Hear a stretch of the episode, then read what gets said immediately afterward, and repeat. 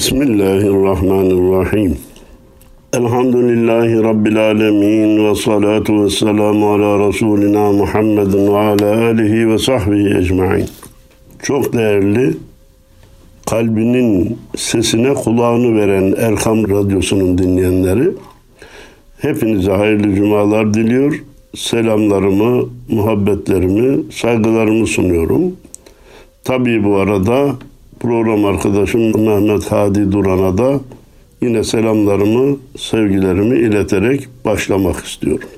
Efendim Erkam Radyomuzun genel çizgisi belli. Genelde vaaz nasihat, iyiliği tavsiye eden, kötülükten kaçındıran, emri bil maruf, nehyanil münker görevinin icrası için gayret sarf eden bir radyo. Cenab-ı Allah Kur'anları yürütenleri, gayret edenleri muvaffak eylesin yeni hayırlara, yeni hizmetlere. Siz dinleyenlerimize de sağlık, afiyetler ihsan eylesin. Çünkü radyonun dinleyicisi, televizyonun seyircisi olmazsa, hocanın dinleyicisi olmazsa elbette yapılan işler de bir şeye yaramaz. Ben bunu niye bu girişi yaptım? Abdurrahim Karakoç'un şiirleri hep vaaz nasihat havasında değildir biliyorsunuz. İçinde vaaz nasihat yok mu? Var. Ama edebiyat var, muhabbet var, milliyet, milli duygular var, vatan sevgisi var. E olsun. Onlar da bizim ana konularımızdır. Sahip çıktığımız konularımızdır. Biraz da böyle çeşniler olmasında da fayda görüyorum. Aynaların ötesi şiiriyle bugün başlayacağız. Abdurrahim Karakoç diyor ki, her ne kusur varsa geçen zamanda suçsuzdur aynalar. Ela gözlü dost. Mecnunlar Mevla'yı bulursa canda el olur Leylalar. Ela gözlü dost. E şimdi burada efendim edebiyat şiir var da vaaz nasihat yok mu? Ders yok mu? ibret yok mu? Elbette var. Allah rahmet eylesin. Diyor ki ayna sana geçmişine ait kötü hatıralar gösteriyorsa suçu aynaya bulma. Kendi geçmişini gözden geçir ve Allah'a karşı ise tevbe istiğfar et, görevlerini kazaen tekrar yerine getir. Kullara karşı ise git helalleş. Aynayı kınamakla bir yere varamaz. O dörtlüğü hatırlayacaksınız. Her ne gözle baksa göz, ayine de kendin görür.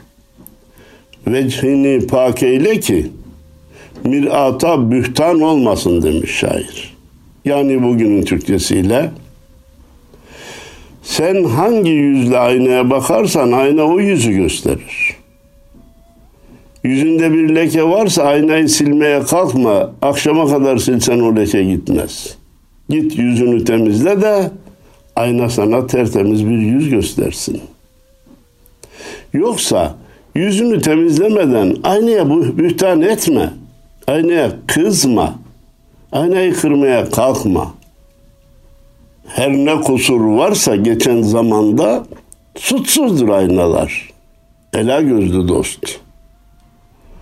Mecnunlar Leyla'yı bulursa canda bir Leyla aşkı var mı? Var. Hedefi ne? Mevla'ya geçmek. Leyla aşkına aşkı mecazi diyoruz. Mevla aşkına aşkı hakiki diyoruz. O bir vasıta, o bir merdiven, o bir geçit, o bir köprü. İşte bir insan Mevla'yı canında bulursa el olur Leylalar. Ela gözlü dost. O Leylalar, peşinden gidilenler, can siperhane istenenler, hayat tehlikeye atılarak peşine düşülen Leylalar el olur gider. Çünkü Mevla'yı bulmuş. Ela gözlü dost. Ela göz hep sevilen, muhabbet duyulan. Karşıdakinin de böyle hitap edilmesinden memnun olduğu bir tabirdir. Abdurrahim Karakoç Üstad da bu tabiri tercih etmiş. Ela gözlü dost. Güzel açar güzelliğin sergisin. Gün ağartır kara saçın örgüsün. Muhabbet faslında ölüm türküsün. Kim söyler, kim çalar? Ela gözlü dost. Alın size Ufuk turundan. Ha bugün ufuk turunun rakamını söylemeyi unuttuk değil mi efendim? Ufuk turu 39'la karşınızdayız. Güzel açar güzelliğin sergisin. Güzellikten bahsedildikçe güzel olur. İyilikten bahsetmek yeni iyilikler davet eder. Karamsarlık ve kötülük e, gündeme gelirse kötülükler kötülüklere davet eder.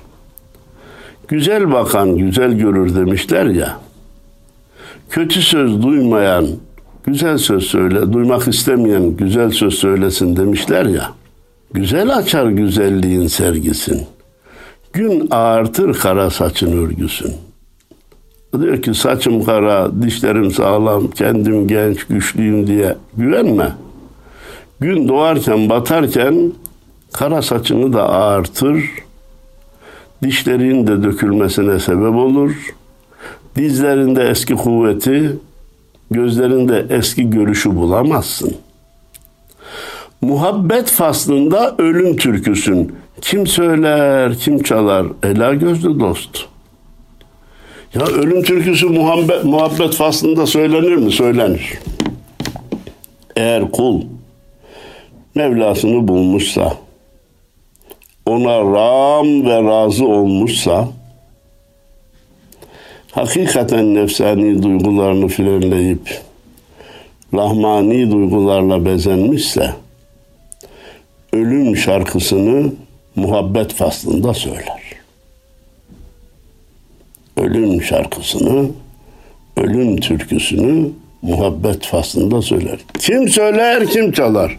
Baba yiğitler çalar, kahramanlar çalar. Estikçe iş çıkar işin içinden. Düzeltiyorum. Eştikçe iş çıkar işin içinde. Gençliği hasret yer sevda göçünde. Bilmez misin dört mevsimin üçünde kar olur yaylalar. Ela gözlü dost. Diyor ki problemi eştikçe problem çıkar. Gençlik mecazi aşklar peşinde giderse mahvolur. Hasret yer bitirir onu. Pek rahat da edemez. Niye? Bilmez misin? Dört mevsimin üçünde kış, ilkbahar, sonbahar. Kar olur yaylalar, ela gözlü dost. Yaylaların karı sadece yazın kalkar ama üç mevsim kendini gösterir. Hayatta da bazen rahatlıklar yaşarsan da dörtte üçü sıkıntılı geçer. İyisi mi? Sen o dörtte üçü sıkıntı olan hayatı Mevla'nın çizdiği yolda Resulullah'ın icrası yolunda geçirirsen sonunda gülersin. Alı al, yeşili yeşilde ara. Ahirete gider kalpteki yara. Ne yapsan da bir daha çıkmaz dallara, dökülen ayvalar, ela gözlü dost. Alı alda yeşili yeşilde ara. Şimdi doğrudan münasebeti yok gibi ama aklıma geldiği için arz ediyorum. Zaman zaman söyledim dünya çığırından çıktı, rayından çıktı. İnsanlar şaşkınlık içinde bir hayat yaşıyorlar. Bu şaşkınlıklardan biri de eşyanın bozulmuş şekline talip olmak. Meyvelerin, sebzelerin bozulmuş şekline talip olmak. Ne demek istediğimi anlayacaksınız. Efendim çekirdeksiz karpuz. Yahu makbul bir şey değil ki niye onu talip oluyorsun ona? Pembe domates. Ya domatesin asli rengi kırmızı olmaktır. Sen niye pembesine talipsin? Çekirdeksiz limon. Niye? Sıkınca çekirdekler rahatsız ediyormuş. Kış mevsiminde yaz sebzeleri, yaz meyveleri. Kardeşim onu Allahu Teala niye yazın yaratmış? Alı al, yeşili yeşilde ara. Yazın yaz me- sebze ve meyvelerini, kışın kış sebze ve meyvelerini ara. Yanlış yerde arıyorsun ya. Alı yeşilde, yeşili alda arıyorsun. Bu dünyevi zarar verebilir, sıhhat zarar verebilir. Efendim öyle bir yoğurt alalım ki 15 gün hiç bozulmasın. Öyle bir süt alalım ki 5 gün hiç bozulmasın. Olmaz. Bu raf ömrünü uzatalım diye e, yapılan katkılar bizim yanlış yerde aradığımız huzur veya beslenmeye bir kısım kurnaz insanların bulduğu formüllerden ibaret. O da bize zarar veriyor. Ama bu zarar dünya bünyeye verir, dünyevi verir. İleride de pişman oluruz, oluyoruz işte yaşlanınca. Bir de kalpteki yara var. Günah işlenir, günahta ısrar edilirse bu yara ahirete gider kardeşim. Ahirete gider kalpteki yara. Ne yapsan da bir daha çıkmaz dallara dökülen ayvalar ela gözlü dost. Buradaki ayva sıradan bir misal. Yere düşen meyve tekrar dala çıkmadığı gibi mezara defnolunan cenaze de mevta da tekrar dünyaya gelip eksiklerini düzeltemez. Ayva düşmüştür bir kere. Devam ediyor üstad. Vakit dolar, nakit biter kasanda. Sevda bir kitaptır gönül masanda. Okusan da olur, okumasan da. Kapanır sayfalar. Ela gözlü dost. Neresinden baksanız hem edebiyat, hem söz güzelliği, hem de ders var. Vakit dolar, nakit biter kasanda. Bir şey söylemiştik hatırlar mısınız? Her geçmiş kısa, her gelecek yakındır. Acizane bu sözü ben bir cilt kitap değerinde bir söz olarak görürüm. Her geçmiş kısa, her gelecek yakındır. 15 yaşındaki delikanlı 15 yılı çok kısa görür. 30 yaşındaki 30 yılı, 50 yaşındaki 50 yılı kısa görür. 15 yaşındaki 70 yaşı çok uzun gibi görür. 70 yaşa varınca onun da kısa olduğunu anlar. Ne demiştik? Her geçen kısa, her geçmiş kısa, her gelecek de yakındır. Ecelimiz de gelecekse o da yakındır. Ramazanın başında ya bunca gün oruç biter mi diye düşünmeye ne gerek var? Bayram gelecek, gelecekse yakındır. Sıkıntıların geçici olduğunu bilirsek bize kolay, kolaylık gelir, kolaylaştırılır. Nimetlerin de geçici olduğunu bilirsek, onun da sonunun geleceğini bilirsek bizi şımarmaktan ve gaflete düşmekten kurtarır. Vakit dolar, nakit biter kasanda. Sevda bir kitaptır gönül masanda. Birçok şeyde, birçok şeye gönlünü kaptırmış olabilirsin. Masada bir kitap gibi durur. Okusan da olur, okumasan da kapanır sayfalar. Ela gözlü dost. Bir gün kitap okunmaz, göz görmez, ayak yürümez, el tutmaz olur. Kitap kapanmıştır. O şeyi nakarat olarak tekrarlıyor. Mecnunlar Mevla'yı bulursa canda el olur Leylalar, ela gözlü dost. Mecnunlar Mevla'yı bulursa canda el olur Leylalar, ela gözlü dost. Hazreti İbrahim hani söylemişti ya bize La uhibbul afilin La uhibbul afilin ne demek efendim? Ben geçicileri sevmem. Ben geçicilere bel bağlamam. Ben baki olan Allah'ı severim. Leyla geçicidir. Baki olan Allah'tır. Öyleyse faniler peşinde koşmaktansa baki olan Allah'ın sevgisini bulup Leylaları bir kenara çekmek mecburiyetindeyiz. Bir başka üstadın bir başka şiirinde beraber olacağız. Evet, şair güçlü ve kendisine güvenen okurları tarafından da başarılı şair olarak kabul edilen bir şairse, başka bir ifadeyle kendini şair olarak kabul ettirmişse, birçok konuda şiir yazar. Ama nice büyük şairler belli şiirleriyle meşhur olmuştur. Onlardan bahsedince o şiirler akla gelir. Üstad Necip Fazıl Kısakürek'ten bahsedince Sakarya akla gelir mesela. Bugünkü sohbetin başında söyledim Abdurrahim Karakoç'un bütün şiirleri vaaz nasihat babında değildir. Ama çeşnide de fayda var, çeşitlilikte de fayda var dedik.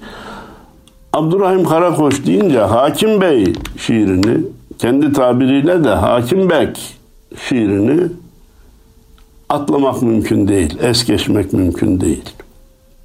Nedir Hakim Bey şiirinin ana teması? Uzayan mahkemelerin insanları usandırdığı, hani diyoruz ya geciken adalet adalet değildir. Vallahi bu başa gelmeyince belli olmaz. O mahkeme salonlarında sürünmek, sıra beklemek, git gel tekrar e, mahkemenin başka güne atılması, o gün şahit gelmemiş, öbür gün avukat gelmemiş, uzadıkça uzaması hakikaten insanı canından bezdirir. Onun için bir düşünürümüz diyor ki, mahkemeyle ve hastaneyle işin yoksa yat kalk Allah'ına şükret. Mahkeme ve hastane zor mekanlar kardeşim. Allah yokluklarını da vermesin. Allah onlara da düşürmesin. Yolu mahkemede olup sıkıntı çekenleri, yolu hastanede olup şifa bekleyenleri Cenab-ı Allah gönül muratlarına ulaştırsın inşallah. Abdurrahim Karakoç da mahkemenin çok uzun sürmesinden şikayetçi olmuş da hakim beye diyor ki Gene tehir etme üç ay öteye. Bu dava dedemden kaldı hakim bey. 30 yılda babam düştü ardına. Siz sağ olun. O da öldü hakim bey. Yine bir üç ay daha atma. Bu üç aylar bizi öldürdü. Bu dava ta dedemden kaldı. 30 yılda babam peşine düştü. O da vefat etti gitti. Şimdi ben bu davanın peşindeyim. Üçüncü neslim. Gel bir daha atma diyor. 40 yıl önce yani babam ölünce kadılıklar hakimliğe dönünce mirasçılar tarla takım bölünce İrezillik beni buldu hakim bey. Efendim mahkemeleri en çok uzatan ya da mahkemelerde en çok uzanan davaların başında da miras davası geliyor.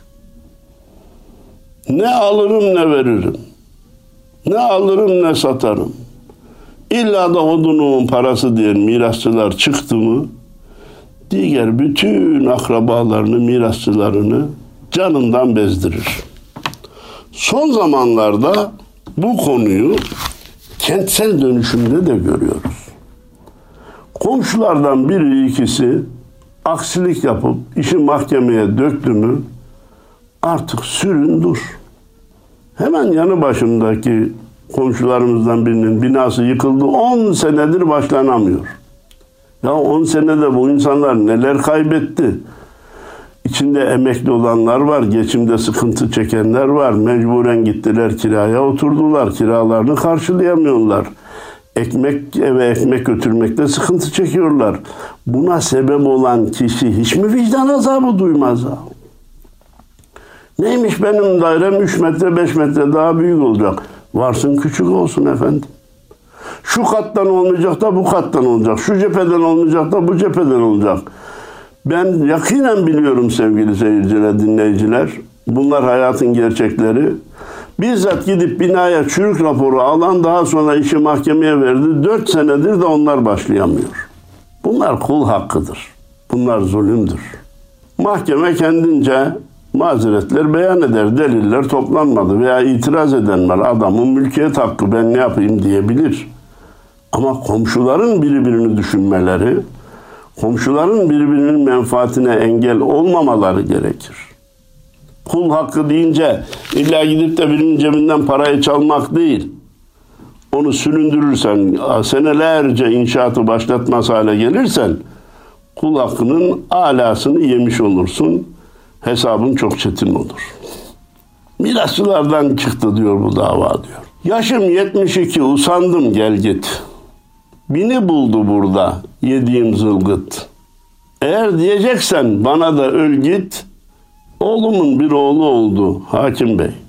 Diyor ki bir de mahkemelerde zılgıt var. E falan gel buraya geldik. Sıraya geç. Girme içeri. Çık dışarı. Zılgıtlar yedik. E ben bu yaşa geldim. Dedemden kaldı. Babam da öldü bu davada. Evet. Eğer bana da öl git diyorsan oğlumun bir oğlu oldu. Hiç olmazsa o torunum da devam etsin, oğlum da devam etsin diye serzenişini gayet edibane, gayet beliyane ifade etmiş. Sekiz evlek tarla, bir geberlik su. Yüz yılda hüküme bağlanmaz mı bu? Kazanmasam da bu, kazansam da bu. Canıma ta, tak etti. Burnuma geldi hakim bey.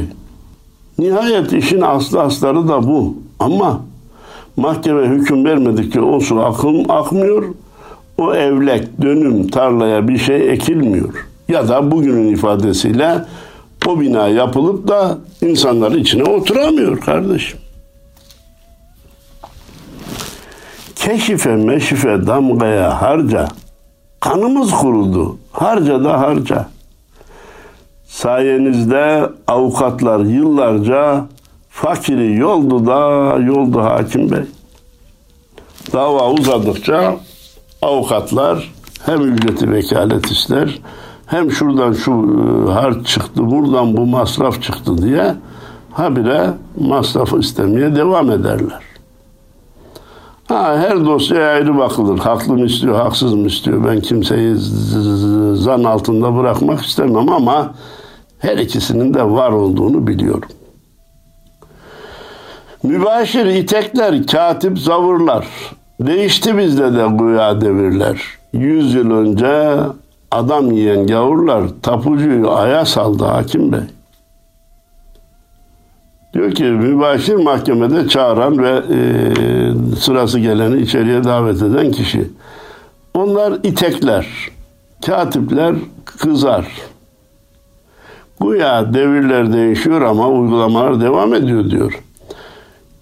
Tapucu da aya gitti. Yani bizim şu hisseli tapunun bir e, müstakil tapuya dönüşmesi bir türlü mümkün olmadı. Kabahat sizde mi, kanunlarda mı? Şaşırdım billahi yolu yordamı. Kızma sözlerime. Alam kadanı. Sıkıntıdan içim doldu hakim bey. Söylüyorsam dertli olduğum için söylüyorum. İçim dolduğu için söylüyorum.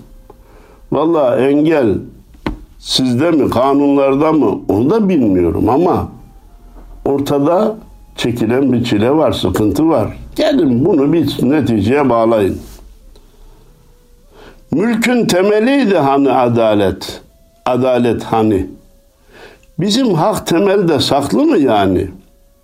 Çıkartıp da versen kim olur mani? Yoksa hırsızlar mı çaldı hakim bey? Adalet mülkün temeli malumunuz buradaki mülk, ev, bak, tarla, bağ, menkul, gayrimenkul şeyler değil. Devletin, egemenliğin, uygulamanın temeli adalettir manasında kelamı kibardır. Hazreti Ömer Efendimiz'e izafe edilir. E bizim temel diyor, bizim hak temelde mi kaldı? Hani adalet mülkün temeli denildi ya. Birisi mi çaldı götürdü? Niye ortaya çıkmıyor? Çıkarıp da versen ne olur hakim bey? Hem davacı pişman hem de davalı. Bu yolda tükettik çulu çuvalı. Sabret makamından çalmak havalı. Sürüler ekine daldı hakim bey. Hele sabret dur bakalım olacak deme tekrar.